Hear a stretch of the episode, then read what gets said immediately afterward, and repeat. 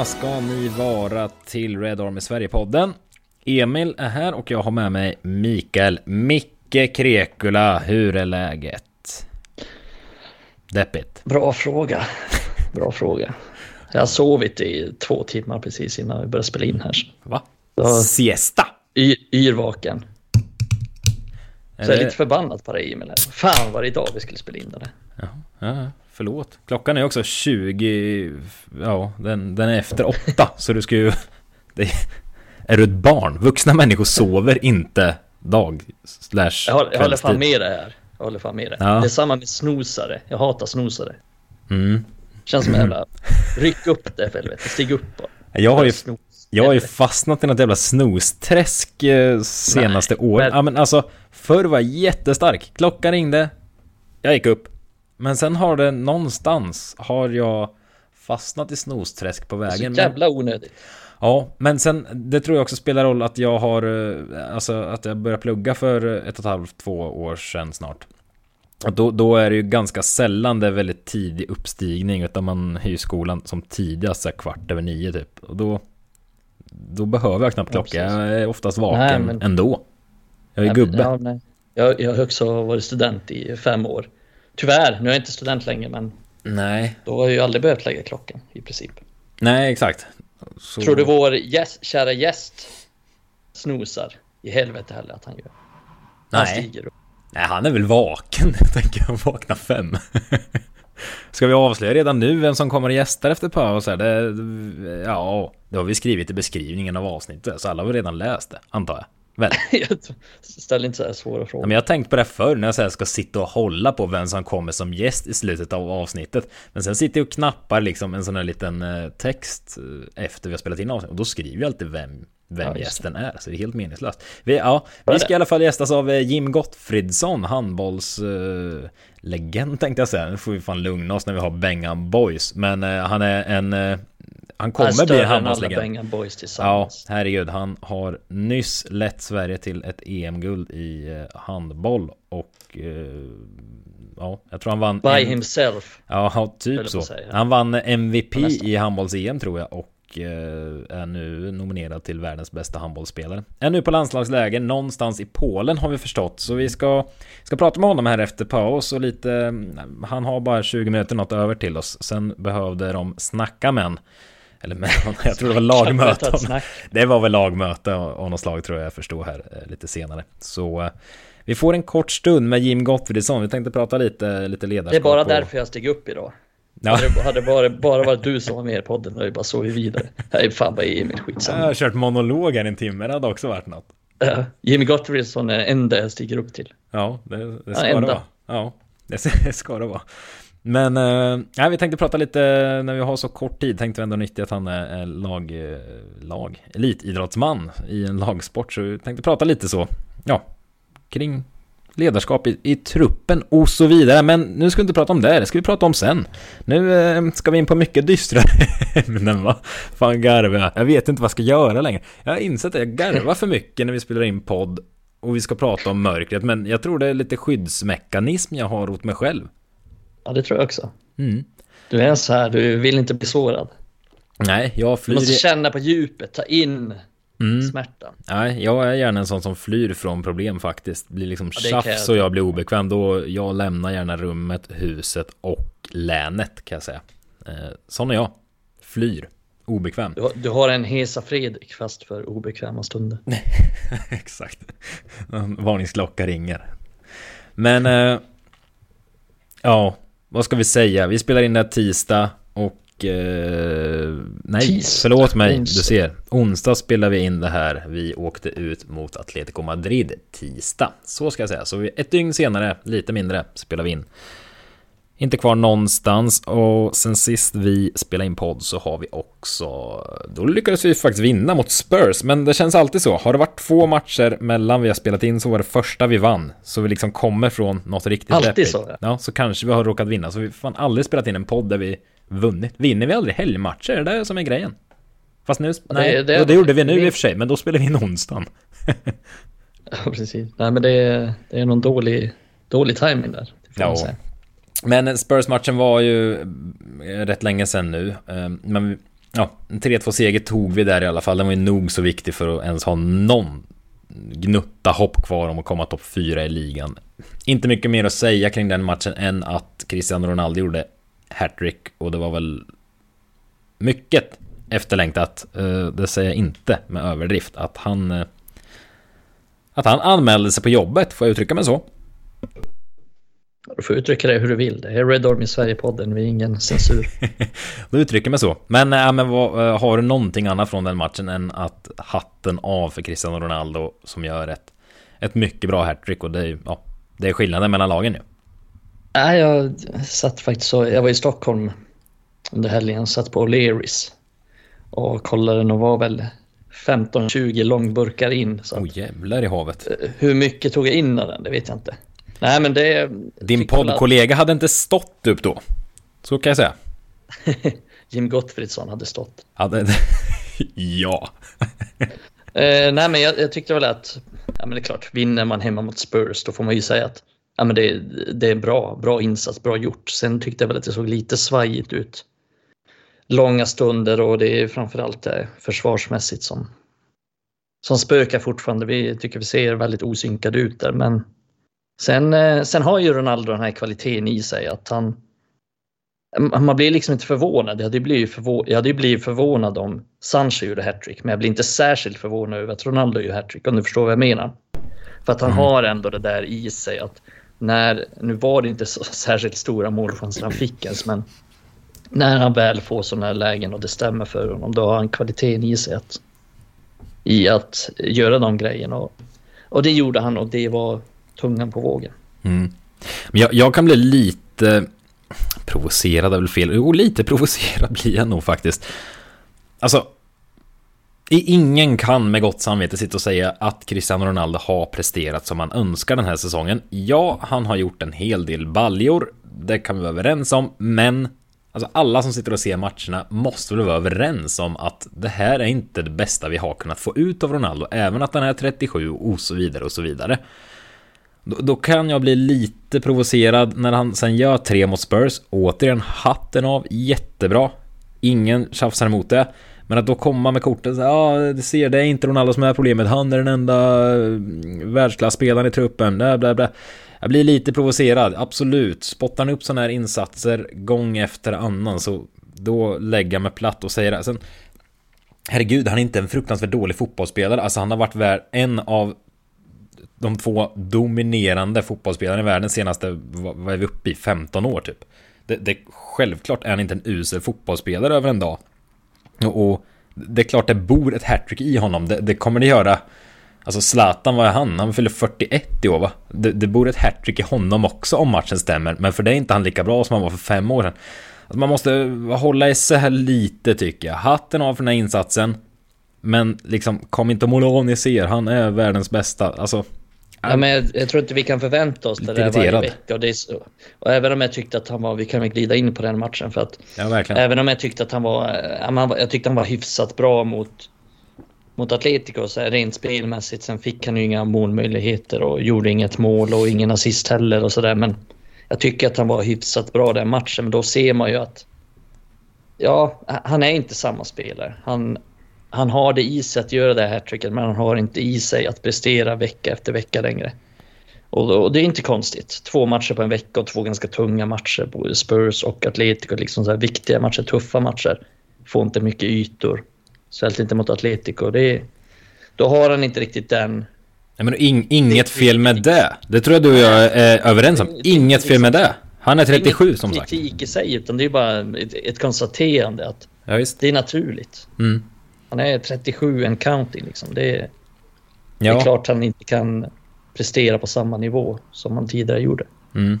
Men problemet och det, det vi varit inne på i podden ganska många gånger också, det, det är väl snarare att den Ronaldo vi har idag, alltså, alltså den personen, den spelaren han är, han passar inte in för fem öre i vart United befinner sig idag. Det, det är där skon klämmer, men för den saken skull ja. finns de här. Det behöver vi inte älta igen. Nej, men de här topparna finns och det är skitkul att se det mot Spurs såklart. Och jag tyckte igår mot Atletico, första 2025, jag satt faktiskt och hamrade på en text och där, jag kände så här, kan det vara så? Nu är han tillbaka. Ja, men, nej, men lite så, ja men kan det vara så att mannen med, med fotbollsvärldens till synes bästa självförtroende kan det vara så att det hade fått sig en törn faktiskt, fast han alltid ser så självsäker och trygg ut. Kan det ha fått en törn och sen, och sen steg det efter hattrick mot Spurs här, för jag, jag kände första 2025 så delaktig och involverad och, och lyckosam i sina aktioner har jag inte sett honom sedan han kom tillbaka till Old Trafford faktiskt. Så då kände jag kanon. Sen, ju längre matchen led, desto mer dalade han, precis som hela laget. Och, och han, var ju inte så... Han hotade inte så mycket där fram, tyvärr. Nej, precis. Men, nej, det gjorde han inte. Men jag tyckte ändå att han var... Jag tycker ändå att de där första 20 minuterna stämmer bra på resten av matchen. För jag tycker att han var delaktig i matchen igenom. Jag tycker han var... Mm. Men han tappade nästan ingen boll. Han var väldigt bra i sitt passningsspel. Det var få passningar han slog bort. Han var ganska bra i sitt länkspel och i, i de aspekterna så var han faktiskt bra matchen igenom. Men sen, det är klart, hans, hans uppgift är ju, och det är därför han köptes någonstans. Han köptes ju för att han ska vara tungan, tungan på vågen i den här typen av matcher. Och, och det är han ju allt för, allt för sällan mm. eh, nu för tiden. Eh, mm. Så så, så är det. Ja. Men vad, vad, vad, tror du, vi ska inte fastna i Ronaldo alldeles för länge, men vad, vad tror du framåt här? Alltså, ja, vi skulle komma in på det med, vi har nio matcher kvar av säsongen. Eh, typ inte jättemycket att spela för kanske, men om han nu skulle bli kvar över nästa säsong, det vet vi inte. Alltså tror du det här var en engångsförteelse eller, eller alltså mot Spurs menar jag, eller kommer vi kunna få se topprestationer av honom oftare? Ja, vad tror du?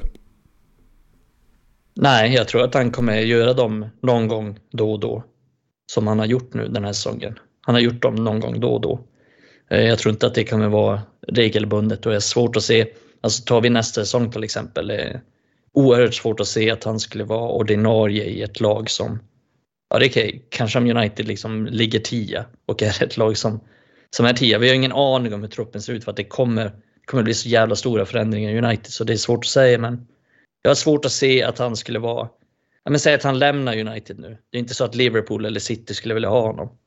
Eller Chelsea för den delen. Eller Barcelona eller Real Madrid eller Bayern München. Jag tror inte att något topplag, något riktigt stort topplag skulle vilja ha honom.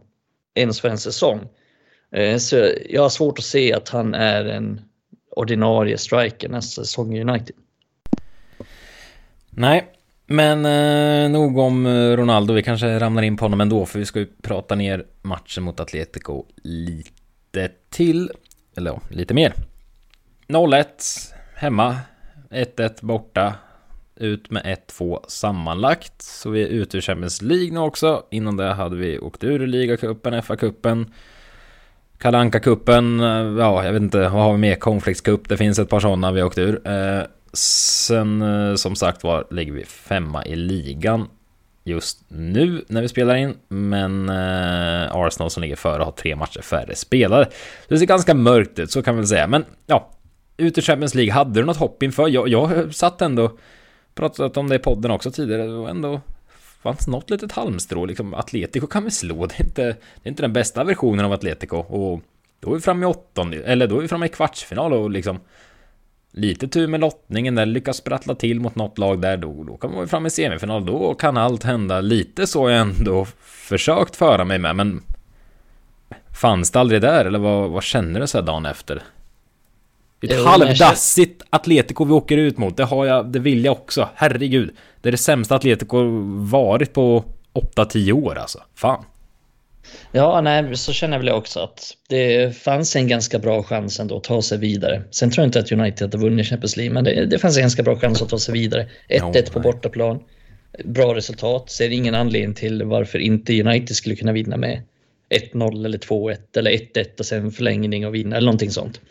Eh, så det är klart att man hade ett hopp om att skulle, skulle ta sig förbi spanjorerna här, men eh, så blev det ju inte och det får man ju ändå säga, så ser man till den här matchen så är det ju det är fullt rättvist. Vi hade inte mycket att komma med visst. Vi har bra där 20, första 20-30 och då skapade vi något läge, där främst i Langas läge. Men, men i övrigt så hade vi inte mycket att komma med och sista 30 minuterna då gör vi som vi oftast gör. Ragnik byter ut hela mittfältet. Vi tappar allt spel. Vi ser allt tröttare ut. Vi kommer med någon klen forcering, byter in spelare som är ur form och eh, får dålig rytm i spelet. Och liksom Rashfords insats när han kommer in, det kunde vi alla se framför oss. Jag förstår varför han gör, vill få in honom för att han måste göra någonting. Men mm. det blir som det blir och det är ju så jävla enkelt för Atletico sista 30. Vi har ingenting, absolut ingenting att komma med och, och det säger väl ändå en ganska talar väl ändå en ganska tydlig bild om vad United är och vad United vad United bidrar med just nu. Det är, vi har inte så mycket att komma med ens mot ett ganska svajigt Atletico. Ja, oh, nej, nu är Atletico vidare. Vi har kastat in mössan. Men alltså, ja. No. Och vi släpper alltid in något. Vi släpper alltid in något. Ja visst, ja visst. Något korkat mål. Vi har alltid mm. några ja. dåliga defensiva aktioner. Så det, vi kan aldrig förlita oss på det heller. Det är det som är så jävla tungt. Vi kan inte förlita oss på att vi gör massa mål. Vi kan inte förlita oss på att vi håller nollan. Det, ja, målet det släppte... krävs att man har liksom mycket marginaler med sig. Ja ja. målet vi släppte borta mot Atletico, det, det är typ ett sånt mål kan jag köpa att du släpper in. För då, då är, det har vi också varit inne på tidigare. Det är riktigt bra fotbollsmål av dem när de slår något inlägg där. Kanoninlägg och Jao Felix möter en liksom nästan slängd. Alltså det är så här, det är bara att applådera och säga tack, snyggt mål. Men problemet är att när Manchester United släpper in mål, det är liksom var tionde mål vi släpper in är ett sånt mål där man bara kan säga ja, okej, okay, fine, sånt här mål släpper man in då och då. Det är bara att ta. Alltså, 9 av 10 mål är ju som det vi släppte in igår. En spelare går bort sig, gärna två, tre, fyra spelare hamnar ur position. Någonting går fruktansvärt snett och det är så här är så enkelt att göra mål på United. Emellanåt, jag tycker faktiskt med Ragnik att emellanåt känns det som vi har hyfsad kontroll i vissa av matcherna. Men sen kommer någon situation där det bara kraschar fullständigt. Så med andra ord har vi inte kontroll någonstans. Även om man ibland får för sig det om du förstår vad jag menar. Ja, ja. vi har lite bättre kontroll än under Ole. Framförallt ja. så. Ja, men Ragnik har förbättrat försvarsspelet lite och det tror jag framförallt beror på att vi blir lite kompaktare som lag, men det finns ju fortfarande den här osäkerheten i försvarsspelet. Att, men vi är inte synkade och det är så svårt eftersom, precis som du säger, om en spelare går bort sig så påverkar det så mycket i lägen efteråt. Och det tycker jag blir tydligt i den här matchen när Maguire... Men han har en sån här säsong där liksom allt han gör blir fel. Och det tror jag han känner själv och det märks på honom. Det vill säga varje gång han ska ta ett beslut, då blir det lite fel, han hamnar lite sent man kan ju själv känna igen sig lite. Eh, även om man inte, vi har varit på någon hög nivå. Som vi, all, fan vad vi alltid säger. Ja men det, ja. Tänk om någon sitter där och tror att vi är så här, eh, vi har satt studion där eh, typ alla experter utom Niva i alla fall har spelat på någon form av nivå. Ja, men Niva har ju spelat i Allsvenskan. Va? Nej det var han I Bol. ja, kanske det. Bowling kan jag säga han var bra på. Nej va? Ja. Jo, men lite såhär bowling-aura. Så oväntat bra på bowling. Kanske. Nej, men eh, i alla fall. Nej, men man kan ju känna igen det lite själv. Jag känner igen mycket när jag spelade pingis här. Att, Där var du man, vass. Äh, ja, vassare ja. än i fotboll i alla fall. Ja. Eh, där känner man att oavsett vad man gör, liksom så här, så blir det fel i någon match. Alltså liksom sådana små detaljer och oavsett vad man försöker med så ingenting stämmer och det spelar ingen roll om fan, du har ätit hur bra som helst, du har förberett dig på bästa sätt, du har tränat svinbra, varit svinbra på träningarna hela veckan och sådär. Ibland liksom saker går helt åt helvete. Och det tror jag är med Maguire fast för en hel säsong. Han, nej men jag, jag tror att han verkligen, han gör allt för att försöka komma tillbaka men när han ska stöta upp där, ja men då är han en halv sekund sen. Och det är ju dels såklart för att han är han är ganska långsam, men det är också för att han har den här säsongen där ingenting stämmer. Och han försöker göra saker som han kanske inte borde försöka göra, utan han kanske borde försöka göra de enkla sakerna bara. Men när han stöter upp det i alla fall, då går han bort sig. Då, då blir det en lucka liksom och då måste Varann gå ur position och sen kommer Dalot in och så kommer inlägget på bortre och så blir det mål. Det är en, det är en kedjereaktion på allting. Mm. Och det tycker jag summerar upp Uniteds försvarsspel ganska bra. För det är alltid någon, det är inte bara Maguire, det ska vi ändå vara tydliga med. Det är inte bara Maguire, Varann gör de sakerna, Lindelöf mm. gör de sakerna, Dalot gör de sakerna, Telles gör de sakerna, Luxor gör de sakerna, Van Bissaka gör de sakerna. Vi har inte en försvarsspelare som inte gör de sakerna. Mm. Vi har, varenda försvarsspelare vi har gör de här små misstagen och de gör dem ganska ofta. Eh, så det är, det är svinsvårt att få någon trygghet i det för att vi gör alltid de här typerna av misstag och det är match efter match i princip. Men det är lite synd också om Maguire på, på flera sätt tycker jag. Alltså dels ser han ju livrädd ut. Alltså så det går en Champions League-hymnen gick och kameran rullade, ja, när kameran går längs med, med startelvorna där. Alltså, det, det, bara slog mig. Alltså, han, han såg ut att ha panik i blicken. Det, det är så här... Nej men de flesta spelarna brukar se taggade ut. Någon ser ut som man vill liksom slå ihjäl han som står bredvid. Någon ser lite glad och så här småtaggad ut och myser över situationen. Men där står Maguire som första United-spelare när kameran sveper. Kaptensbindeln runt armen. Och jag... Vem är jag att säga, men jag tyckte... Alltså jag, jag tyckte jag såg panik i blicken liksom. Lätt vattnade ögon mm. och alltså... Det ser ut som han typ hade ångest inför att gå ut och spela den här matchen. En lagkapten vill man ju... Ja, och, ja, och någonstans här full förståelse. Alltså så häcklad som man blir konstant. Och det går bara sämre och sämre. Och han har ju en klumpig uppsyn liksom. Och, och det... Ja, det jag skulle komma till. det, det, alltså han har den... Han har en spelstil. Om, om han spelar i ett lag som kollektivt försvarar riktigt bra och liksom allt är uppstyrt, det är ordning och reda.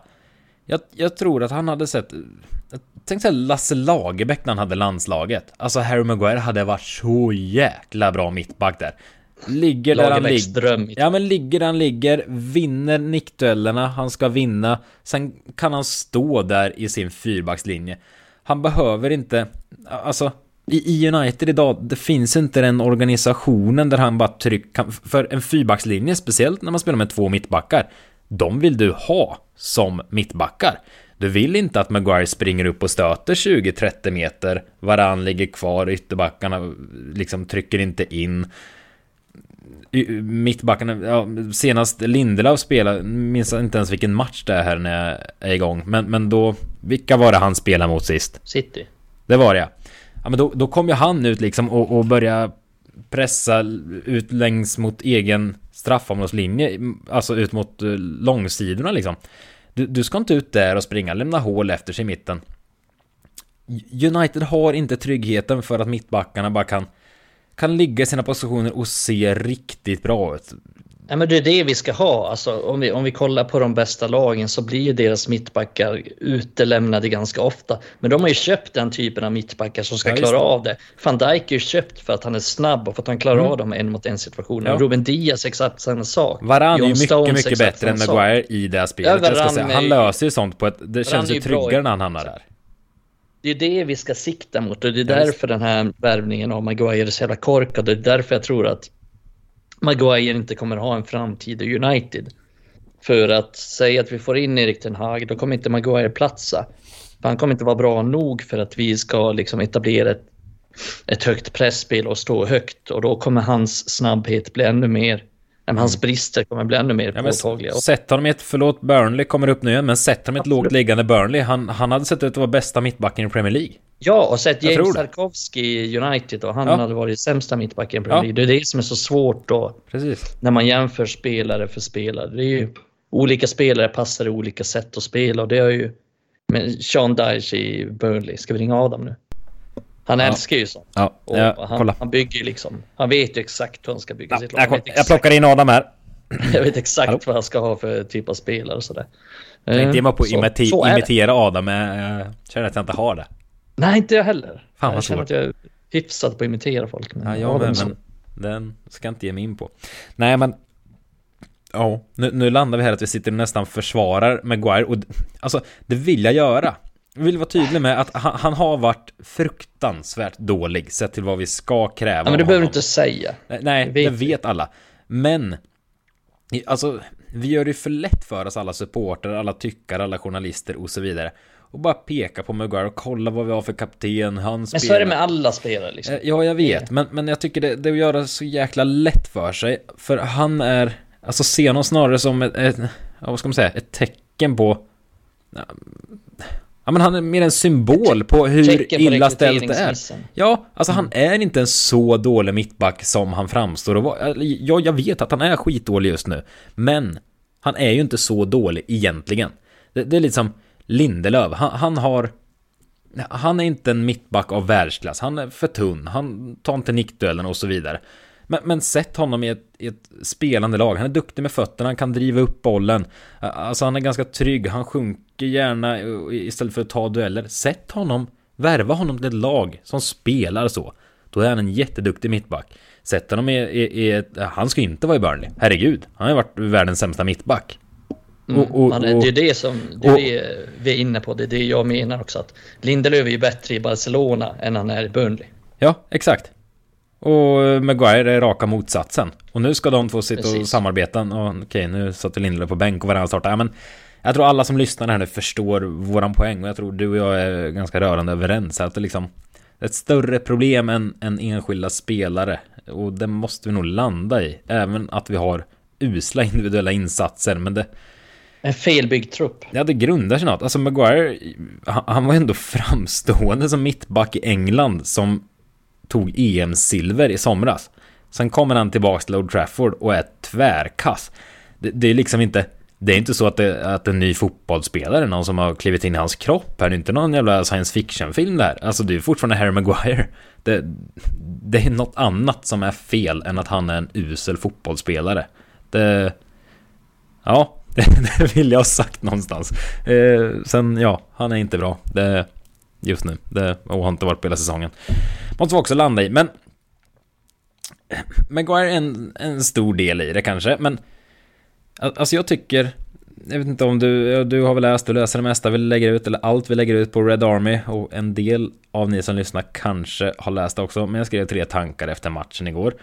Och min främsta tanke där kände jag, det var att United är så fruktansvärt sårbara. Vi, vi har väl touchat vid det lite här, men det, det, är på många sätt. Då menar jag dels att dels att vi kan ha kontroll över en match. Sen, sen liksom går någonting emot. Vi, vi kan ha kontroll. Sen, sen får Bruno bollen, slå bort den och så blir det hönsgård och panik fast vi haft kontroll i 17 minuter fram tills dess. På så sätt kan vi vara sårbara. Vi kan vara sårbara på att vi släpper in fruktansvärt enkla mål som jag sagt. Vi är väldigt sårbara på att eh, får vi ett domslut mot oss så, så är det tårfyllda ögon och man ser ut som liksom eh, pojkar 13-lag som, som liksom gråter om man förlorar och domaren ger gult kort. Är du med mig att vi är så fruktansvärt sårbara på så väldigt många sätt? Det tycker jag nästan är det jobbigaste att se på just nu faktiskt. Mm, ja, men, jo, men det är vi. Liksom, jag jag vet inte om jag har så mycket att säga om det. Det är, det, det, det är så det är. Det är, liksom. det är ja. Fan, jag är het idag känner jag. Jag har aldrig varit ja. så het. Vansinnig. Första gången jag inte har något att säga om någonting. Nej. Jag har inte så mycket att säga om det. Det är, Nej, det är skrämmande. Det är, bara, det, är, det, är, det är skrämmande faktum och det är ett av många problem som vi har. Mm. I klubben just nu och i truppen framförallt. Ja. Vi satt ju också och pratade om det du och jag innan vi spelade in här faktiskt. Innan vi tryckte på play. Att ja, men både när man skriver texter nu på, på Red Army på sidan och när vi poddar. Det känns som man upprepar sig, man har inte så mycket nytt att komma med för det händer inte särskilt mycket nytt. Det är så här, åh, nu spelade vi bra i fem minuter och sen kraschar det och man är besviken på allt och alla och det är ett steg fram, två steg bak och, och det har varit så i många år nu, många säsonger och vi sitter och upprepar oss varje vecka. Och... Ja, men det är samma misstag som händer och det är samma typer ja. av matcher och det matcherna ser ungefär likadana mm. ut. Då. Ja, men så här, Micke, kan du skriva en text till på fredag på Red Army? Alltså, i vanliga fall, det finns jättemycket att skriva men nu, nu sitter jag lite så här Ja, nej, vad ska jag skriva om då? Det, det blir väl något sorgligt eller? Alltså, är, du med på samma våglängd där som jag? Att man sitter verkligen bara så här, stirrar lite tomt ut och det tycker jag är skitkul. Det vill jag lyfta er följare att när, när ni, alltså ja, men få ber, beröm eller när ni lyfter att tack för att ni orkar. För lite så är det emellanåt känner jag så här att man sitter och bara nej men vad, vad, vad ska man hitta på nu och skriva? Så det, ja, det, det värmer att folk ändå verkar uppskatta att, att det krigas på åt höger och vänster och det, ja, det är stort att, att det hålls igång i kommentarsfält och allt möjligt. Men, men du är med mig där också att det, ja, det, det finns inte så mycket mer att skriva och säga emellanåt känner jag. Ja, nej, man får ju leta, leta efter saker. Ja, men, det, det, är klart att det finns någonting lite nytt att säga, men, men ofta så är det ju samma typer av problem som vi har suttit med i flera säsonger nu egentligen. Och, och det är det man hoppas ska rättas till till nästa säsong. Man har ju alltid det där hoppet om att ja, men nu, nu jävlar kommer förändringen och vi har väl li, lite hopp om att någon typ av förändring kommer ske, att det kommer se bättre ut och att rekryteringarna kommer, kommer vara bättre. Men, men i de senaste liksom, ja, snart tio åren har vi suttit och snackat om samma typer av problem. Men vi, vi har ingen identitet, vi har inget spel, vi, vi är inte särskilt bra framåt, vi är inte särskilt bra bakåt. Och det är ju någonting som har blivit värre med, med åren hela tiden. Att, ja, men under Fergie så var, kunde vi vara, visst vi kunde ha säsonger där vi inte var lika bra bakåt men, men ofta så fanns det en stabilitet där men den stabiliteten har inte funnits på sen eh, Rio och Vidic slutade egentligen. Eh, förutom någon säsong där med med Fanchal, det var ganska bra bakåt och Mourinho hade väl också någon bra säsong där men men annars så har det varit ganska dåligt och framförallt med Solskär under de senaste säsongerna och ganska dåligt med med Ragnik nu också, även om han har förbättrat det lite. Så det är, det är samma typer av saker och samma typer av individuella problem, individuella misstag. Eh, spelare som inte är bra nog, spelare som inte passar in i spelsättet, spelare som inte passar in i truppen som helhet och, och sen också ska poängteras tränare som inte är bra nog. Och det tycker jag inte att Solskjaer var, det tycker inte att Mourinho var, det tycker inte att van eller Moyes var, jag tycker inte att Ragnik är det heller. Och det är väl därför han inte kommer vara tränare nästa säsong heller. Han är ju bara tillfällig som sagt men det är, mm. vi, vi, har inte haft den riktiga kvaliteten heller på, på de positionerna där det är viktigt att ha kvalitet som tränare, ledning, spelartrupp. Mm. Men eh, du var ändå inne på där i början av eh, din utläggning att att, att man har ett visst hopp att det kanske kan bli lite ljusare nu. Och, och jag antar att du var inne, eller ja, du, du var inne lite på det med, med ja, men det finns lite, ja, vad ska man säga, lite fotbollskunskap i, i, i leden nu så att säga. Och så förhoppningsvis kanske kan rekryteras lite med röd tråd och lite klokhet. Men ser du någonting annat just nu som liksom, ja men här finns en ljusning, eller är det bara det halmstrået vi vi greppar. Att så Woodward är borta, det, det verkar vara lite andra... Lite fotbollsfolk inne. Är det det enda vi har att greppa efter nu? Det, det känner jag i alla fall. Jo, alltså det är ju, det är ju den, det främsta vi har att Fan, så vi har gjort några, ja, men att vi har gjort några förändringar i ledet och det ser jag ju många så efter den här matchen snackar, snackar om. Det är en stor diskussion så här bara United måste byta ut hela ledningen. Ja, men det ser även så här seriösa journalister skriva. Svenska journalister, men svenska journalister kan ingenting om United. Om Uniteds eh, ledningar och sådär, så de skriver ju bara någon klyscha. Men United har ju gjort ändringar i ledningen. Så att det är ju ingenting som, det har man redan gjort. Men de har inte fått utrymme att göra någon, några, någonting stort än. Förutom att de har tagit in Rangnick som tillfällig tränare, men de har inte fått värva spelare. De har inte fått värva en, en riktig permanent tränare än. Eh, så det kan man inte klaga på egentligen. United har redan gjort om i ledningen. Eh, så det får vi vänta och se om det slår ut väl eller inte. Det är, det är väl möjligt att det inte gör det. Men vi måste ändå vänta och se hur det blir innan vi säger någonting. Vi kan inte bara säga, ja men byt ut hela ledningen. Ja men vi har ju nyss bytt ut halva, ska byta ut dem ändå? Ja men de har inte gjort något. Ja men de har inte hunnit göra något för helvete. Eh, så det tycker jag är lite märkligt felriktat. Mm. Men det är klart, det är jävligt viktigt att, att det blir bra och det, hoppa, det har jag en förhoppning om att det kommer bli bättre. För att de är ju redan ganska långt fram igen. Som jag har förstått det i en rekrytering av tränare och vi är bara i mitten av mars. Så det är någonting positivt. Men något annat som jag ser som positivt är väl att United har en jävligt bra ungdomsakademi och är framme i final i FA Youth Cup. Och vann semifinalen väldigt enkelt också, har jävligt många bra spelare och har liksom eh, från det laget som vann FA Youth Cup U18-matchen då så bytte man ut nio spelare så åkte man till Liverpool, spelade borta mot Liverpool och gjorde fem mål. Då hade man bytt ut liksom hela laget och kunde ändå göra fem mål mot ett... Mot ett ja men Liverpool är, är jävligt bra också på U18-nivå. Mm. Eh, så där, där finns det mycket kvalitet och om vi pratar den ledning som finns nu, det är ju Jan Mörtag till exempel. Det är han som är högst ansvarig för att rekrytera ny tränare och det är han som har varit högst ansvarig att göra om med akademin och det är väl först nu vi liksom ser frukt, för att han har ju varit i klubben ett tag. Det är först nu vi ser hans jobb och de som kommer fram nu, de som är 16, 17. Det är hans liksom första kull som han har varit med och tagit fram och format och av allt att döma så har han gjort det extremt bra där och sen vet vi sen tidigare att han har på kort tid och med inte så mycket resurser satt ihop ett väldigt slagkraftigt damlag också.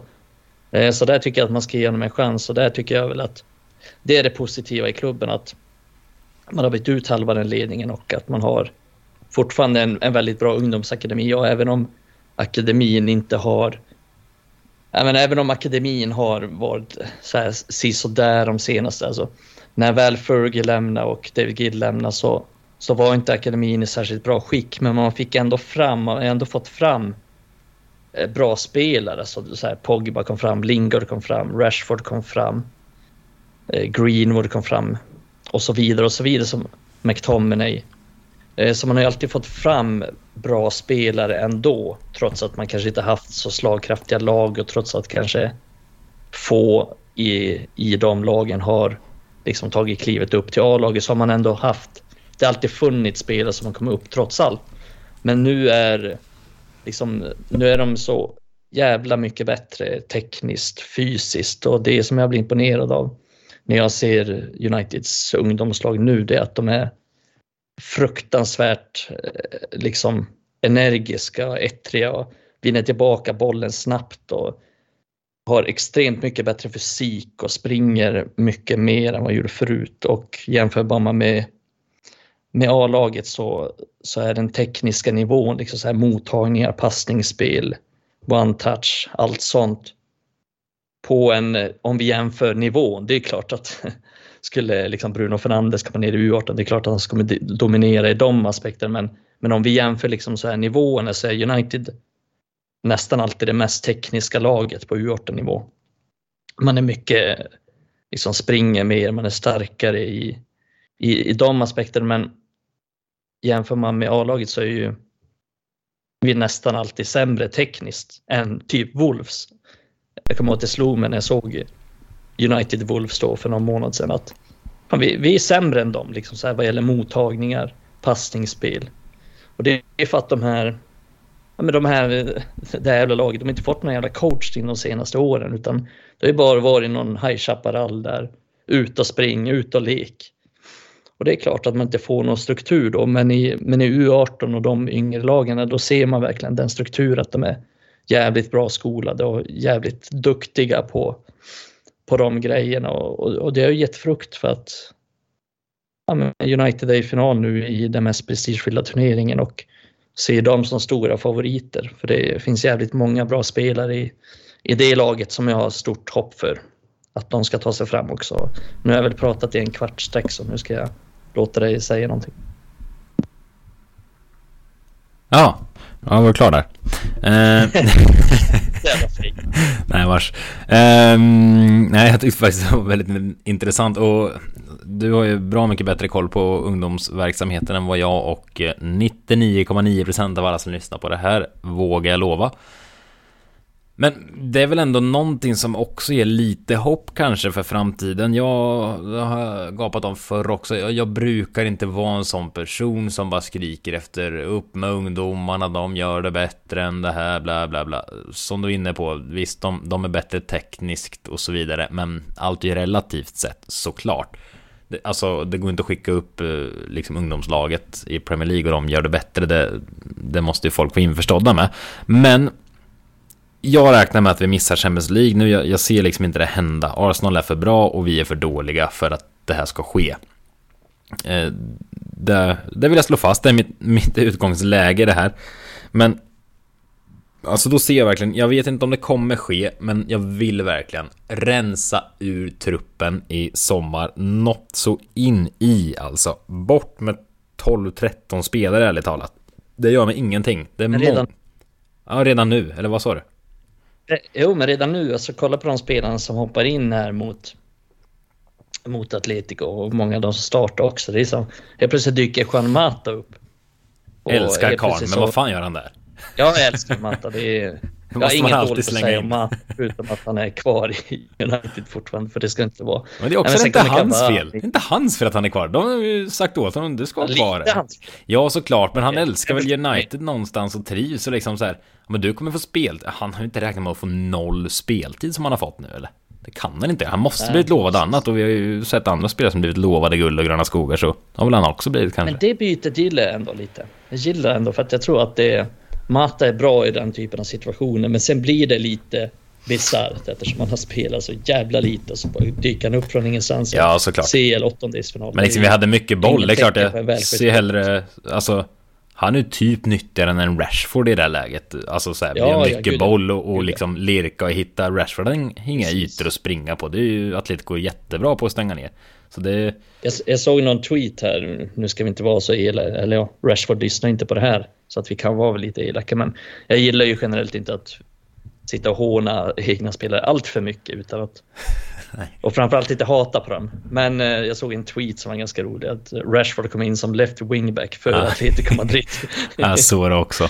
Då skrattade jag till ändå. ibland, måste, ibland måste man omfamna och skratta så länge det inte är riktiga personangrepp. Alltså det, Nej, ja, någonstans får det, Nej, men, får det vara. Men det jag skulle komma till i alla fall. Ja, det vad var pratade vi om? Ja, men så här bytena som kom mot Atletico. Det är ju Pogba ja, kommer in, kommer försvinna till sommaren och Rashford kommer in, vill knappt vara här. Mata kommer in, försvinner till sommaren. Cavani kommer in, försvinner till sommaren. Och så står vi där i slutet av matchen och då på topp så är Ronaldo 37 och Cavani 35 och så. Äh, det, jag har svårt att liksom så här, ska vi spela med det här gänget resten av säsongen? Nej, jag, jag vill inte jag, jag vill inte se det. Nej, men jag, vad, vad ska vi Jag vill inte att vi ska spela de här meningslösa matcherna och så är Cavani liksom springer omkring där upp som en jävla rabieshund. Men det kommer Utan, vi ju se. Ja, det är tyvärr. Men jag hade, jag hade velat se spela de här spelarna som kommer vara kvar här nästa säsong. Spela spelarna som vill vara här. Spela de här spelarna som har en framtid och som har någonting att vinna på det här. Mm. Men jag har, har inte mycket hopp för att det kommer hända. Ja, men det finns inte så många sådana spelare i truppen heller. Och det är ju som sagt var intressanta spelare i ungdomslagen i så fall. Men, men det, mm. det, går inte att lyfta upp sju, åtta sådana heller, det fattar jag med. Men så här, en sån som Hannibal, det har vi pratat om också. Alltså man sitter med tre mittbackar på bänken igår igen. Två målvakter sitter på bänken. Hannibal, ja. i och för sig, Nej, Hannibal han, ska spela nästa han lirar väl med, Han lirar väl med U23 igår va?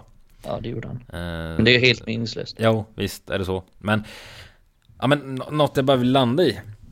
Som sagt, jag brukar inte flagga för att och bara skicka upp ungdomsspelare och hej och hå, det kommer bli guld och gröna skogar. Alltså jag tror verkligen inte på det. Men, alltså i läget United befinner sig nu, som sagt, 12, 13, 14 spelare, skicka bort det. Det gör ingenting. Och alltså, 7-8 lär ju garanterat lämna, väl?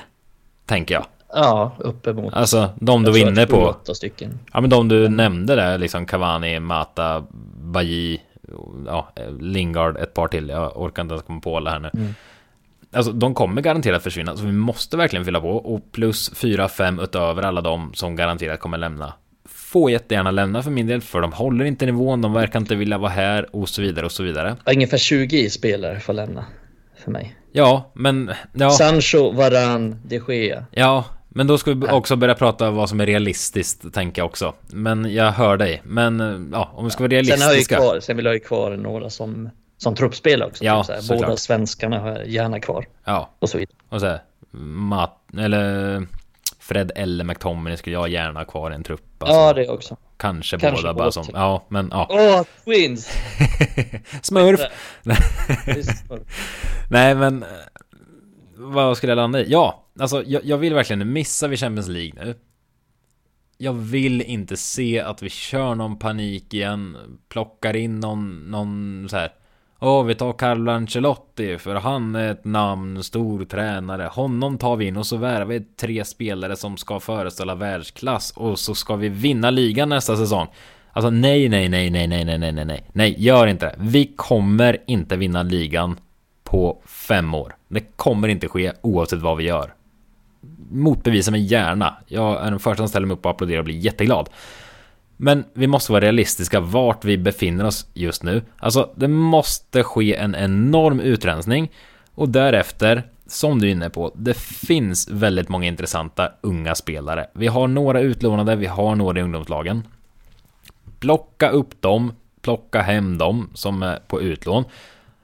Sån som Ahmad ute på lån. Ethan Larry pratar om på högerbacken. Jag har sett ett par matcher med honom i Championship och också tyckt, alltså det, det, det är bättre än Dalova Bisaka. Herregud alltså. Det är bättre. Eh, James Garner springer runt i Championship och gör det bra. Vi, alltså, det, det, finns intressanta spelare här och var. Ta tillbaka van de Beek, ge honom ändå en helt och hållet ärlig chans med en tränare som liksom vet hur han ska använda honom, vill använda honom. Och så vidare, och så vidare. Jag vill inte... Självklart måste vi värva näst, i, i sommar. Vi måste plocka in kanske någon mer mittback, någon ytterback, in i mittfältare, självklart någon anfallare, men Alltså jag kommer inte stå och skrika och hänga på stängslen och ha högaffel och allt framme om vi inte värvar tre, fyra gubbar. Alltså vi måste börja vi, vi måste bygga ett grundspel. En, en grund måste vi börja med nu. Ha en stabil trupp, utveckla spelare och sen kanske Ja men säg om vi har Ten Hag nu då, som vi drömmer om. Ha honom den här säsongen. Kommer vi sjua i ligan? Okej, okay, det får vara så. Vi får komma sjua i ligan. Men vi kan se att vi har börjat bygga någonting och då nästa sommar, då kanske vi kan handplocka. Okej, okay, vi har hittat det här, vi spelar så här, vi har fått fram de här unga spelarna som tar steg. Vi ser att vi går mot det här. Handplocka då, för, för det är fortfarande Manchester United, vi har extrema muskler att röra oss med alltså. Det måste vi fortfarande vara, alltså, veta om och vara tydliga med. Plocka då in nästa sommar. Handplocka då, inte panikvärva i sommar. Åh oh, herregud, vi, vi, kanske ska plocka in honom, vi ska plocka in honom för... Så Rio Ferdinand sa igår, alltså United kan värva Haaland och Mbappé till nästa säsong. Vi vinner inte ligan ändå. Alltså vi är inte med och utmanar, för, för det är så mycket fel i grunden. Så jag vill bara så... Nej, missar vi Champions League nu? Okej, okay, men börja då för fasen. Bygg från grunden och så tar vi det därifrån. Alltså panikvärva inte inför nästa säsong acceptera läget vart vi är. Ha inte svinpanik till att liksom nå toppen, för vi kommer inte nå toppen nästa säsong. Vi kanske lyckas sprattla till, alltså Leicester vann herregud ligan. Kanske kan sprattla till, men skulle vi råka vinna nästa säsong, det är klart vi inte håller oss kvar där och liksom blir dominanta igen. Nej, jag har verkligen landat i det. Alltså det måste skynda långsamt något så in i Norden här nu. Vad var det Bojan sa? Sjuårsplan? Treårsplan? Vad var det han sa? Många år var det i alla fall. Ja, många år. Nej, men det är verkligen vad jag känner framöver. Nu höll jag en kvarts monolog istället. Kan sluta podda med varandra, kan släppa monologavsnitt istället. Lika bra. Ja. Nej, men eh, det är verkligen så jag känner inför kommande säsong. Vi eh, behöver inte älta det mer och vi börjar bli hyfsat långrandiga här nu. Vi ska ju faktiskt släppa in Jim här också snart.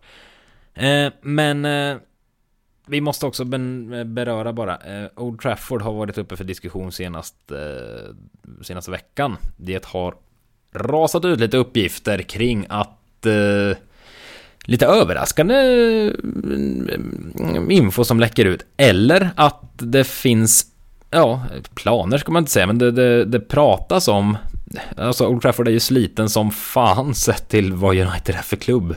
Så vill jag uttrycka mig, ursäkta svordomen, men eh, det, det, alltså United ska ju ha grejer i topp återigen vid en klubb med extrema muskler.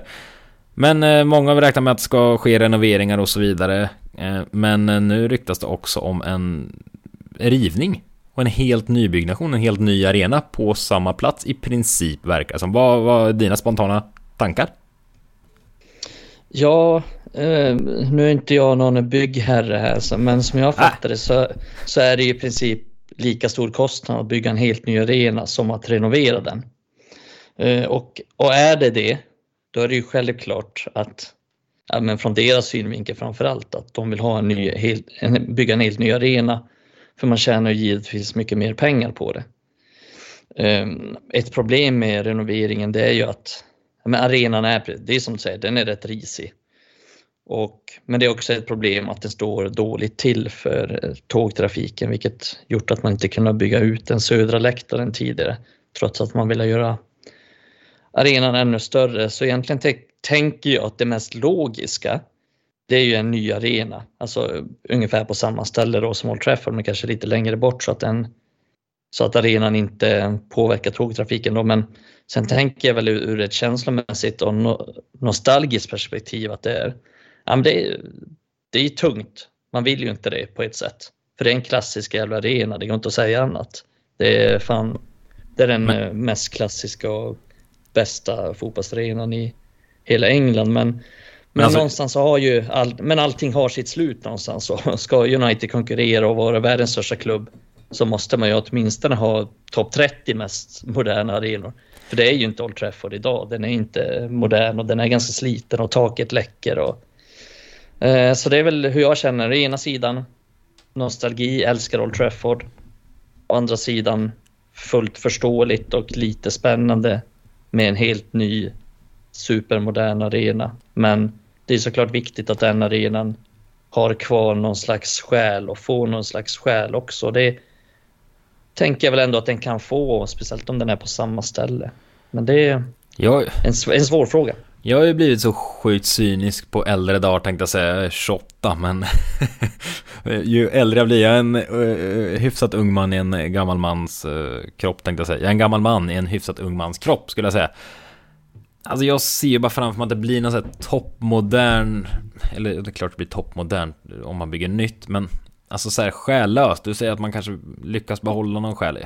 Det blir Emirates. Tro, Ja, är... Emirates så Tottenhams arena, jag tycker den är rätt cool. Alltså den är fräsig som fasen men Rätt själlös alltså. Vet inte. Ja, det, inte det är mycket. Men, men vad, alltså jag såg framför mig när jag läste det här första när det, när det kablades ut. Alltså min första synen jag fick upp Det var så här Ja men det kommer vara senare som när Super League lanserades. Jag tror folk kommer Skogstokiga, eller? Nej, jag är fel på det Det känns som Ja, jag tror du är lite fel på det, Trafford, det Fast ja, Arsenal kunde riva Hybrid De är väl lyckliga över Emirates nu Nej, kanske inte Nej men alltså all... de, de är ju plast Ja liknar ingenting Nej men som du säger, allting har väl sin tid men eh, ja, det Nej, men jag vet. Kom lite överraskande också, eller jag, jag vet inte. Eller har det varit uppe på tapeten? Jag tyckte det kom lite så här, jo, men det jaha, väl. nu river vi, det här kanske ska rivas. Det så här, ja det måste ju renoveras, det har ju pratat om både i podden och på andra ställen, alltså det pratas det om. Lite här och var, att ja, Old Trafford håller inte skickmässigt, men Nej, plus ja. att de inte kan bygga ut den. Det är det som är Nej, det är klart. det är också en liten detalj kanske, men... Mm. Ja. Nej, Nej men det, som jag sa innan... Som Intressant jag, att följa. Jag läste, det. Ja, men precis. Men som jag sa innan, jag läste lite om det. Och då menar någon där, tvivelaktig källa, men att att det i princip kostar, det är lika stor kostnad att bygga en helt ny arena som det är att... Ja men sånt har jag hört förr, att det typ att man måste är. göra den mm. måste renovera så jävla mycket och det är knepigt att göra det och, så vidare och så vidare. Så ur den aspekten så är det inte särskilt konstigt att de vill det. För som jag sa också, man tjänar ju så jävla mycket mer på en helt ny arena. Ja, att visst. de kan marknadsföra den och gud förbjude, de kan ju sälja ut namnrättigheten också, vilket jag, det skulle jag vara mm. strångt emot såklart. konsertarena och skit vet du, ska ja, konsert varannan vecka och det ska vara monster trucks och skit. Ja, men samtidigt är Old Trafford ett jävligt starkt varumärke. Ja. Eh, på så sätt. Alla tänker när man säger Old Trafford, då tänker man liksom inte på stället Old Trafford, utan man tänker på arenan. Mm. Old Trafford. Och, nej, men det är... Jag, jag är tudelad där. Det är svårt. Nu... Jag vill helst inte ta något beslut. Nej. jag vill bara sitta... Vad skönt att du inte behöver göra det. Jag kan ja, informera dig om det. Du slipper faktiskt mycket. Men eh, ja, nu kommer jag bara att tänka på vad fan Barcelona gick väl ut med igår. Att det blir Spotify Camp Nou.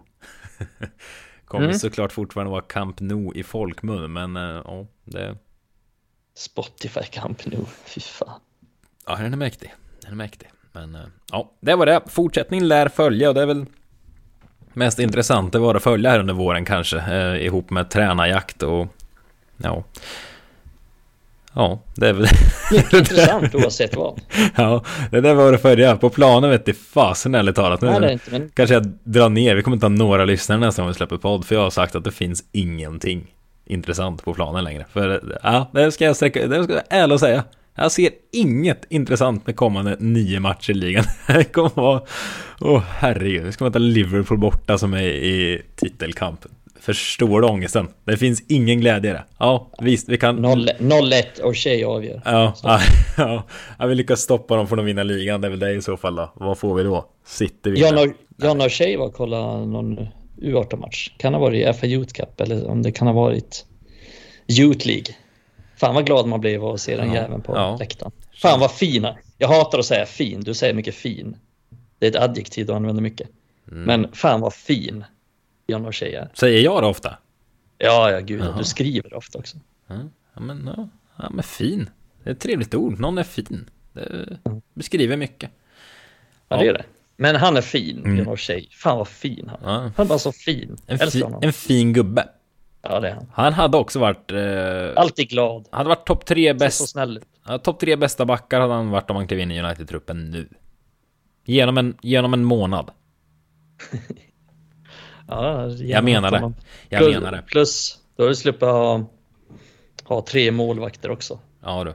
Nej, hör du, vi får inte bli mer långrandiga. Vi ska slänga in uh, Gottfridsson här snart också i 20 minuter eller vad det blir. Så, uh, Hjälten! Nej, det kommer bli norra Europas längsta avsnitt. Norra Europas? Ja, uh, jag vet inte. Det kommer bli ett väldigt långt avsnitt där om vi håller på vidare. Så vi uh, knäpper en öl så har vi med Gottfridsson alldeles strax. Micke! Emil! Vi ska ju... Emil! Ja, det var kul, det har jag aldrig hört för. Vi ska ju annonsera, det var någon, eh, någon liten, liten tävling på Twitter igår innan matchen också. Vill du, vill du berätta mer? Nej. Nej. Det var en tävling i alla fall, ganska gott deltagande. Det skulle retweetas och följas och ha sig. Där man alltid kunde... kul när vi kan ge bort saker. Mm. En liten, liten United-mugg som är snyggare än alla United-muggar jag äger, för jag äger faktiskt ingen. Eh, jag äger en, men den är definitivt snyggare än den jag äger. Ja, det, ja, bra. Känns, känns bra. Men eh, vi ska ju skeppa ut också vem som har vunnit det. Och eh, självklart, när man är ute och svingar på Twitter så heter ju folk Lattjo grejer Det är inte så att Mikael Krekel har vunnit, utan följande är vinnare. Men United Devils, alltså Man UTD Devils med Z på slutet, har vunnit denna kopp. Så du får jättegärna höra av dig eh, till eh, Red Army Sverige-podden på Twitter. Skicka ett DM med din adress så skeppar vi över muggen till dig. Nu har jag växlat mugg och kopp åtta gånger. Vad är det för skillnad på mugg och kopp, Mikael? Uh, vet inte riktigt. Nej, inte jag heller. Jag hoppades du hade svar på det. Det är typ någon, någon typ av form på den. Alltså det känns ju som att det där är en mugg, men en... En mugg känns spontant mindre... större. Ja, precis. Men, en mugg äh... håller man med två händer nästan. Ja. En kopp en, liten, en liten kaffekopp. Ja. Den... Om någon vet får ni jättegärna skicka in det också. Vad är det för skillnad på mugg och kopp? Då kan ni vinna 10 minuter uh, ungdomsnyheter uh, med Mikael Krekula. Det lovar jag ut här. Grattis till eh, Man United Devils på Twitter. Hör av dig till oss på DM så får du den hemskickad.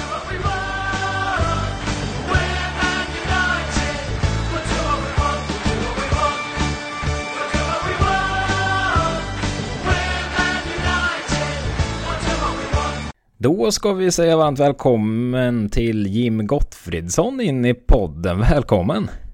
Stort tack. Stort tack. Det är första gången en handbollsspelare med oss, tror jag. Micke, eller? Ja. ja. Han är den enda handbollsspelaren som får vara med. ja. Alltså jag kom på nu, någon av våra redaktionsmedlemmar håller på med handboll. Inte riktigt på samma nivå kanske. Du, du är ju för fasen, ja vi kanske ska presentera dig. Folk kanske inte har koll på handboll alls. Jag tänker att det var svårt att missa, men du, du var ju en stor del i laget som faktiskt vann handbolls eh, EM-guld här i, vad var det, januari var det till och med va? I januari, precis i Budapest. I Budapest, så var det. Eh, och du, du gjorde det till och med, för de som inte visste vem du var innan genom att kolla på handboll så gjorde du du lyckades göra ett namn nästan ännu större på att du höll någon form av peptalk där i en timeout, eller hur? Det var liksom... Ja, men, äh, nej, men det, den slog väldigt, äh, stort i Sverige. I, i Hamburg då så, så kommer kamera och mikrofon väldigt nära och, och jag skötte den sista timeouten och uh, ja, den, den, den blev väldigt, uh, väldigt uh, omtyckt verkar det som i Sverige. Ja, det blev ju guld, så det får vi, det är bara att lyfta på hatten. Ja, men, den var mäktig, det får jag säga. Det. Ja, den det, var mäktig. Det, ja, jag har fått gåshud för mindre. Exakt. Stort tack. Stort Ja, tack. ja, det ska du ha. Men eh, nu är du faktiskt här för att snacka United. Du är på landslagsläger mitt ute i polska djungeln tänkte jag säga. I skogen i alla fall. Så och du behöver kila iväg om en 20 minuter ungefär. Så vi ska hålla det lite, lite rappt här. Och eh, ska ju faktiskt prata om United. För du är ju stort United-fan. Hur kommer sig det? Eh, stort United-fan, ja. Eh, det börjar... Eh, jag vet inte, att- alltså det började på en liten fotbollsturnering hemma i Ystad. Vi, eh, jag och brorsan efter turneringen fick eh, gå till det här ståndet och köpa varsin tröja. Jag fastnade för en tröja, nummer 20 Solskär. Fick den, eh, jag inte vara så gammal, sex år. Och den var ju på tok för stor. Den tröjan har jag faktiskt kvar än idag. Den passar mig nu så ni förstår hur stor den tröjan var. Eh, Där började jag egentligen lite så och sen så min pappa är ett stort Liverpool-fan. Ehm, och då, då kom det ganska nära mig att jag eh, började följa United rätt så tidigt. Eh, min bästa kompis pappa var ett stort United-fan. Tatueringar med United och så. Så på den vägen är det så att eh, eh, kanske började följa mer och mer intensivt egentligen sedan man var tio år. Ja. eh, då när man började kolla mer och mer fotboll på tv och så. här. Var det en svår det- relation då tänker jag när Solskär tog- över som tränare och sen, ja, det kanske inte gick precis som vi alla ville och han kanske, ja, nu får, får vi höra din åsikt, men man ville ju att det skulle vara bättre än vad det var så att säga. Var det lite jobbig relation där att du ändå föll för honom en gång i tiden? Ja, ja men alltså jag, jag tycker egentligen att... eh, jag tycker, vad kan man säga om Solskjaer? Jag tycker det han gjorde i United gjorde han precis så. Sen kanske, mitt tycke att säga det, tyckte jag att han kanske satt lite, lite för länge. Uh, för han fick ju egentligen, han gjorde precis det rätta med United, började dra uh, om med lite nya spelare. Men jag tror han satt eh, ett par månader för mycket. Eh, men med en sån klubbikon så Eh, jag tyckte han la ner ett bra hjärta i klubben eh, och man såg verkligen att han njöt av varje minut. Och, och, och det är nog sånt man behöver ibland i en klubb eh, som inte går som man vill. Mm. Mm. Ja, det har ju det har inte gått mycket bättre med andra tränare heller senaste åren, ska vi väl vara ärliga och säga. Men vi har tänkt nyttja lite eftersom vi nu har med en elitidrottsman som, ja, och du själv är ju, ja, något av en ledare både indirekt och direkt i, i, i alla fall landslaget. Jag ska väl säga att jag inte kollar på tyska ligan i handboll jätteofta, det måste jag vara ärlig och säga. Men... eh, Jätteofta. någon gång har jag Har säkert du sett, sett något. en? Ja, det känns som det har gått på Eurosport någon gång om man kollat. Eller? Sänds det i Sverige ordentligt?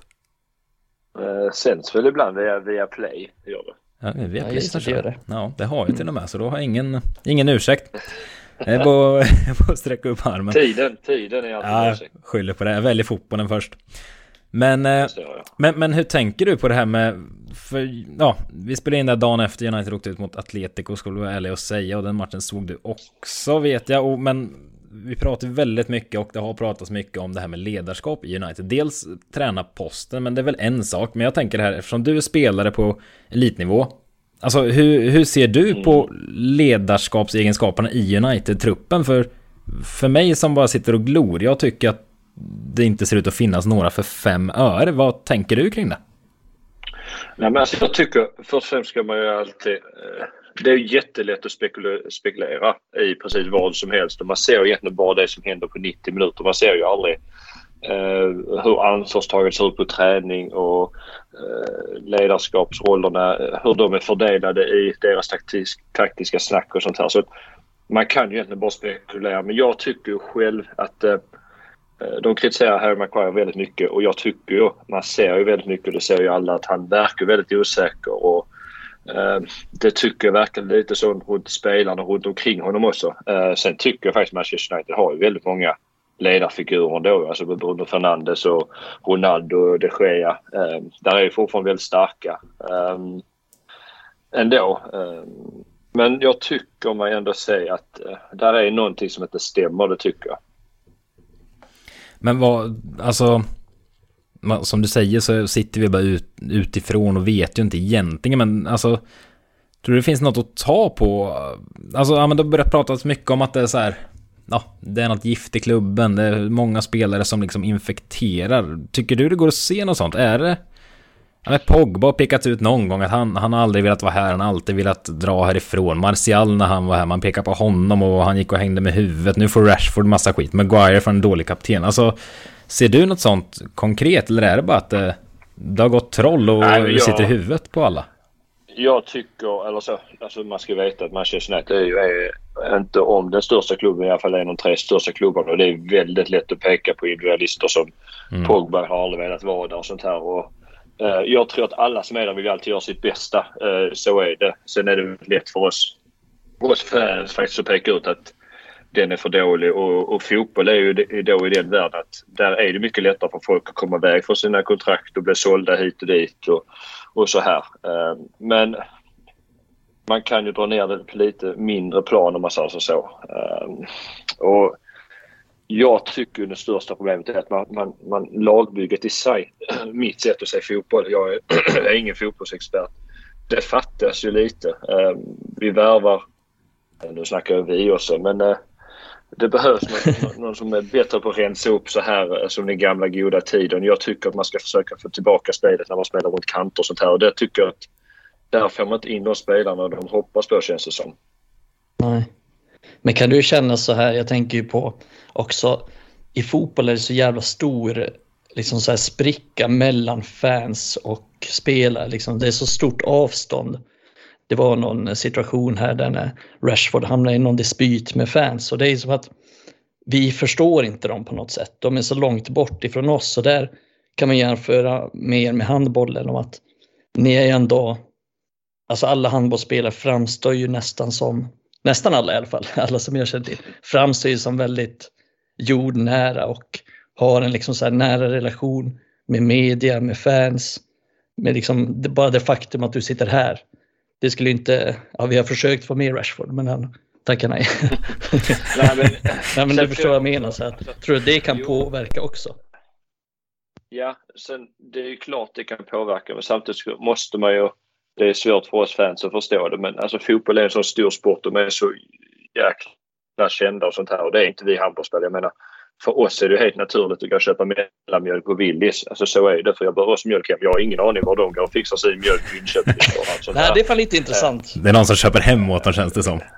ja, men jag, som sagt, jag har ingen aning och jag förstår. De är så stora och, och de skulle inte kunna, alltså jag vet inte med Lindelöf, men bara ta han som ett exempel. Springer han på uh, Willys och det kommer ta han fyra timmar innan han kommer hem ju. Uh, oh. Alltså, så, och Rashford, Alltså det är så, det är svårt att komma dem nära och, det, och då är det svårt att lära känna människorna, så är det ju. Ehm, men jag tycker också det är lite man, man ska nog passa sig att kasta skit, speciellt på sådana som Rashford som gjort väldigt mycket för bra klubb och, eh, för, för klubben. Och han är fortfarande väldigt, väldigt ung. Um, och sen så då bara såga han bara för att han haft två, tre månader. Mm. Uh, han, han, kommer, han kommer vända igen. Jag menar man såg Sancho när han kom blev mm. värvad för många pengar och nu har han börjat blomma ut. Men folk behöver tid och fast det är elitidrottare på väldigt extremt hög nivå så behöver de också tid och så här.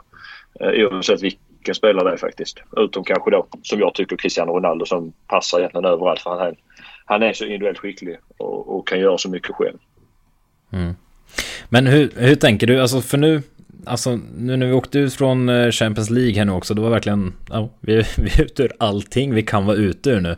Eh, och ligan känns ju, alltså det känns avlägset, vi ligger bakom Arsenal och de har tre matcher färre spelade. Och det är liksom nio omgångar kvar för United, så ska rätt mycket till för att, att plocka fjärdeplatsen också. Alltså hur svårt är det? Nu vet jag inte om du har varit i ett lag där man är i ett så hopplöst läge någon gång och allt känns skit. Men ja, du har inte vunnit allt du ställt upp i din karriär. Men Ja, men om du är med på, hur, alltså hur är ja, det i ett lag ja, när allting går emot? Vad, vad gör man? Hur kan man motivera sig? Nio matcher kvar nu, man har inget att spela för och kanske en fjärdeplats, men alltså vad, vad gör man? jag tror, jag tror faktiskt det är väldigt svårt just nu för dem för de vet inte riktigt vilken... Eh, alltså hade man haft en manager som kommer att träna nästa år så kan man ju bryta ner det. Um, så har man gjort själv. Så har jag också själv varit med. Att, inte många matcher kvar, vi kan inte vinna någonting. Vad gör vi? Ja, vi bygger en bättre grund redan nu till säsongstart nästa år. Mm. Uh, där tror jag faktiskt att det är väldigt svårt för just Manchester United som man vet inte med tränaren. Ja, de vet ju säkert mer än vad vi vet såklart. Mm. Uh, att Halva truppen verkar vilja lämna också. så det... Ja, men de, alltså, man vet ju inte riktigt vad som händer. Nej. Alltså för att de skulle kunna säga att vi måste göra så bra resultat som möjligt och, och målet är femte plats fast man tycker man ska nå fjärde plats. Men femte plats måste vi nå och fram till det så måste vi lägga upp en...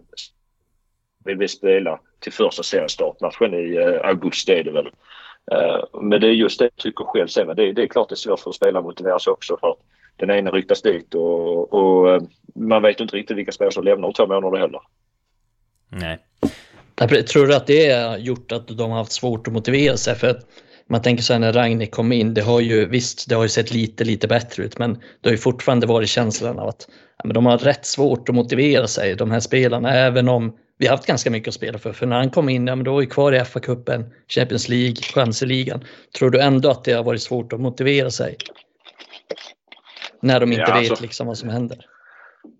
Nej, men så jag tror de, de vet nog mycket mer än vad vi vet. Så att motivera sig, de, de motiverar sig oerhört mycket. Det, det, skulle jag vilja vara rätt säker på. Så vet jag inte heller om mitt Solskjaerhjärta är, är för stort nu. Men jag tycker att jag, fotbollen möjligtvis sett bättre ut med Ralf. Men resultaten eh, har ju inte blixtrat. Jag menar han börjar med så kallat, vad var det, 6-7 matcher man tycker de ska vinna. Mm. Uh, och där har jag bara segrande ur två eller tre av dem. Så att jag menar det har varit väldigt knackigt på resultattavlan också. man har inte hämtat de tre poängen nu så att då förtjänar man ju inte komma på fjärdeplatsen. men motivationen den tror jag ändå är där oavsett om de lämnar eller inte för att det, det är professionella eh, idrottsmän eh, som gör allt för att prestera alltid. Oavsett om de kommer att lämna i sommar eller inte. Mm. Men hur tänker du, om vi, jag vill ändå återvända till Maguire som är kapten och fått så fruktansvärt mycket skit den här säsongen. Med, alltså, i stor del är det ju med rätta för han har ju faktiskt sett horribel ut i väldigt många matcher. Sen kommer det med en prislapp, det är liksom inte hans fel att han blev värvad för så mycket så man skulle slänga in sådana brasklappar. Men ändå, och kaptensbindeln verkar ju tynga honom något enormt tycker jag snarare än att lyfta honom. Men vad tror du om en sån spelare? För så dålig som han har varit den här säsongen, så dålig fotbollsspelare är han ju inte. Det har vi sett i, i, liksom i England och vissa stunder i United och, och tidigare i Leicester. Alltså, kan han komma tillbaka? Tror du? Han är ju ändå, han är väl född 93 väl? Något sånt. Lite osäker. Ja, Men mm. Eh, alltså kan han komma tillbaka? Han är inte liksom 22 och har haft en dålig säsong och sen eh, fortsätter han utvecklas. Alltså har han kraschat så hårt att det kan vara slut tror du?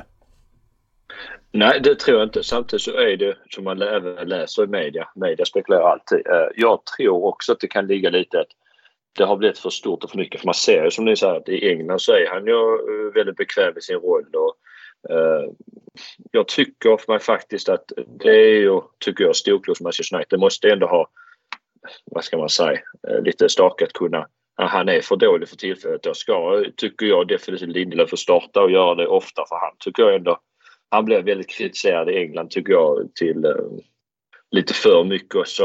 Uh, ja, hans nick, uh, nickspel är kanske inte det bästa men du får så mycket mer annat med Lindlöf och du inte får Maguire, uh, en väldigt säker passningsspelare. Så att jag tycker att de måste nästan våga sätta honom lite oftare på bänken. För att som ni säger att prestationerna har varit väldigt, väldigt många gånger för dåliga och många enkla misstag för att vara en backlinje med Manchester United.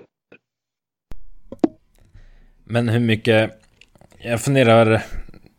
Alltså handboll kontra, kontra fotboll. Alltså hur stora likheter tror du det är så i... Ja men i... i alltså det är ändå lagsport. Jag själv har spelat lagsporter. Inte handboll just. Men alltså hur, hur stora likheter och skillnader tror du det är så? I, I handboll är det väldigt mycket som du säger. Du som spelare kan gå in och ta en timeout i princip. Hur, hur stort mandat tror du spelarna har i en klubb som United och kliva in och, och ha så mycket makt så att säga? Alltså jag tror, som sagt nu kan man bara spekulera. Eh, jag tror att det, det har nog mycket med tränaren att göra också. Hur mycket vill han involvera eh, eh anfallsspelarna i anfallsspelet eller de har ju så många andra assisterande coacher också som eh, gör med fasta situationer och så här så att det är nog mycket upp till tränaren för jag tror alltså kompetensen det ska man inte den är ju i en trupp som Manchester United och egentligen allt annat än topp fyra är ju egentligen en dålig prestation. Oavsett om det finns massa andra bra lag i engelska Premier League så är ju en minus, alltså om man inte är topp fyra Manchester United så är det en dålig säsong. Det ska man väl ärligt säga också. Så att kompetensen mm. finns där. Eh, det är bara att man får inte ut max av truppen. Man får ut det för sällan, så är det. Sen att man, man slår eh, Spurs på hemma 3-2, det är svinbra men samtidigt så det håller inte för att förlora 1-0 bort med Wolverhampton fast det är en svår bortamatch. Det, det, det, måste plockas poäng alltid om man är ett lag som Manchester United. Mm. Mm, precis. Jag tänk, kom att tänka på det. Har du hållit på med några andra sporter förutom handboll? Ja, jag, jag, jag var en dålig fotbollsmålvakt. Jag, tyckte, jag tycker fotboll är skitkul men äh, jag var ingen målvakt? i det. Jag var målvakt, ja. Jag orkade inte ringa. Det är inte så chockerande om du var sämre i fotboll än vad du är i handboll. Det, det känns ju rimligt någonstans. Annars eh, hade du petat eh, de flesta United, tänker jag. Ja, typ ja, alla. Sant, ja. ja, men tror du att det är liksom så här... Ja, precis. Jag, jag följer Uniteds akademi ganska mycket och då vet jag att de pratar i akademin om att nej, men liksom, det är bra om, om de unga spelarna testar på olika sporter och håller på med, när man liksom har den glädjen att det är så jävla viktigt. Kan du hålla med om det? Ja, men det tror jag verkligen. Man ska, som ungdomsspelare ska man hålla på med så mycket som möjligt för att hitta kärlek och passionen till den sporten som det sen blir. Eh, så det tycker jag är all rätta. Ehm, mm. Det är kanske, dit, eh, det är kanske dit Uniteds A-trupp behöver återvända också. Ja, för att vända det. Hitta lite glädje och fan gå ut och ha lite kul och spela fotboll. För nu... Ja, men lite så. Släppa, släppa på handbromsen lite. Alltså, det är ju skitlätt för oss att säga, men släppa på handbromsen. men det, det är nog inte jäkligt lätt där, där sitter 75 000 på läktaren och alla press, alltså, trycker på det. Men alltså, jag tycker återigen att kollar man Manchester United, vad tog du? Eh, jag vet inte hur många hörnor du tog innan de nickade in ett på en hörna. alltså, jag menar, det var ett par stycken. Det, är som, det, det, får, det, får, det får inte hända i en klubb som Manchester United. Sen om det händer Brighton och allt annat, då är det så. Men i en klubb som Manchester United, nej, det får inte hända. Hur mycket ja. press tror du de känner av just det? Du nämnde det så att de sitter med 75 000. Hur mycket för jag tänker att det känns ju som att det tynger många snarare än att det lyfter dem. Det är alltså en, en sån ja, som Ronaldo jag, lyfter ju av det. Men... Ja. Jag tror att det, det, det, är mycket tyngre än vad man, vad man tror. Uh, och sen är det inte bara uh, Old Trafford utan det är medialt och allting. Så att, alltså, de lever, under ständig, ständig press. Så att uh, det är mycket svårare än man tror att få ut den prestationen varje vecka som de faktiskt måste prestera. Eller som vi fans också kräver att de ska prestera. Mm. Mm, ja. Kanske därför man måste vara så här sjukt imponerad av de som gör det vecka efter vecka. Ja, men lite och sen framförallt nu när vi har faktiskt Cristiano Ronaldo. Många säger hur länge ska han fortsätta? Alltså jag ser han gärna länge. United, kolla. Karln är 37 år gammal och gör fortfarande massa mål. Jag menar det är, det är så imponerande så det är fruktansvärt. Ja. ja, 37 år har du kvar till. Ett par år kvar till, men då hoppas vi att du vinner lite VM och EM-guld och låter Sverige fortsatt i handboll. Vi ska släppa iväg det också Jim, så du inte får böter eller skit om du missar någon samling här. Eller har du sån mandat att du kan komma och gå eller? Ja, Jim får inte böter. Det är han som ger böterna. ja, exakt. det skulle varit så. Nej, vi har faktiskt rätt snällt här i landslaget. Men äh, sent ska man väl komma. Alla man respekterar tider. Ja, det är sant det. det. det ordning och reda ska våra yngre lyssnare höra på tänkte jag säga. Stort tack för att du var med Jim. Det var en ära att få vara med dig. Får fiska in dig någon mer gång och sitta ner eh, en, en långkörare tycker jag. Ja, det tycker jag, det skulle jag gärna se fram emot. Så, så hoppas vi att vi ändå för United då så de får en bra avslutning. Ja, det får vi se om det gör. Det, hoppet eh, är det sista som lämnar oss, men eh, det har nästan lämnat mig kan jag säga. Så får vi önska dig lycka till mot eh, dubbellandskamp mot Polen, eller vad är det frågan om i veckan? Precis, dubbellandskamp mot Polen, test, äh, träningsmatch. Det löser vi känner jag. Ja men lysande. Tack snälla Jim Gottfridsson för du eh, var med i Red Army Sverige-podden. Tack. Ha det gott. Hej. Hej.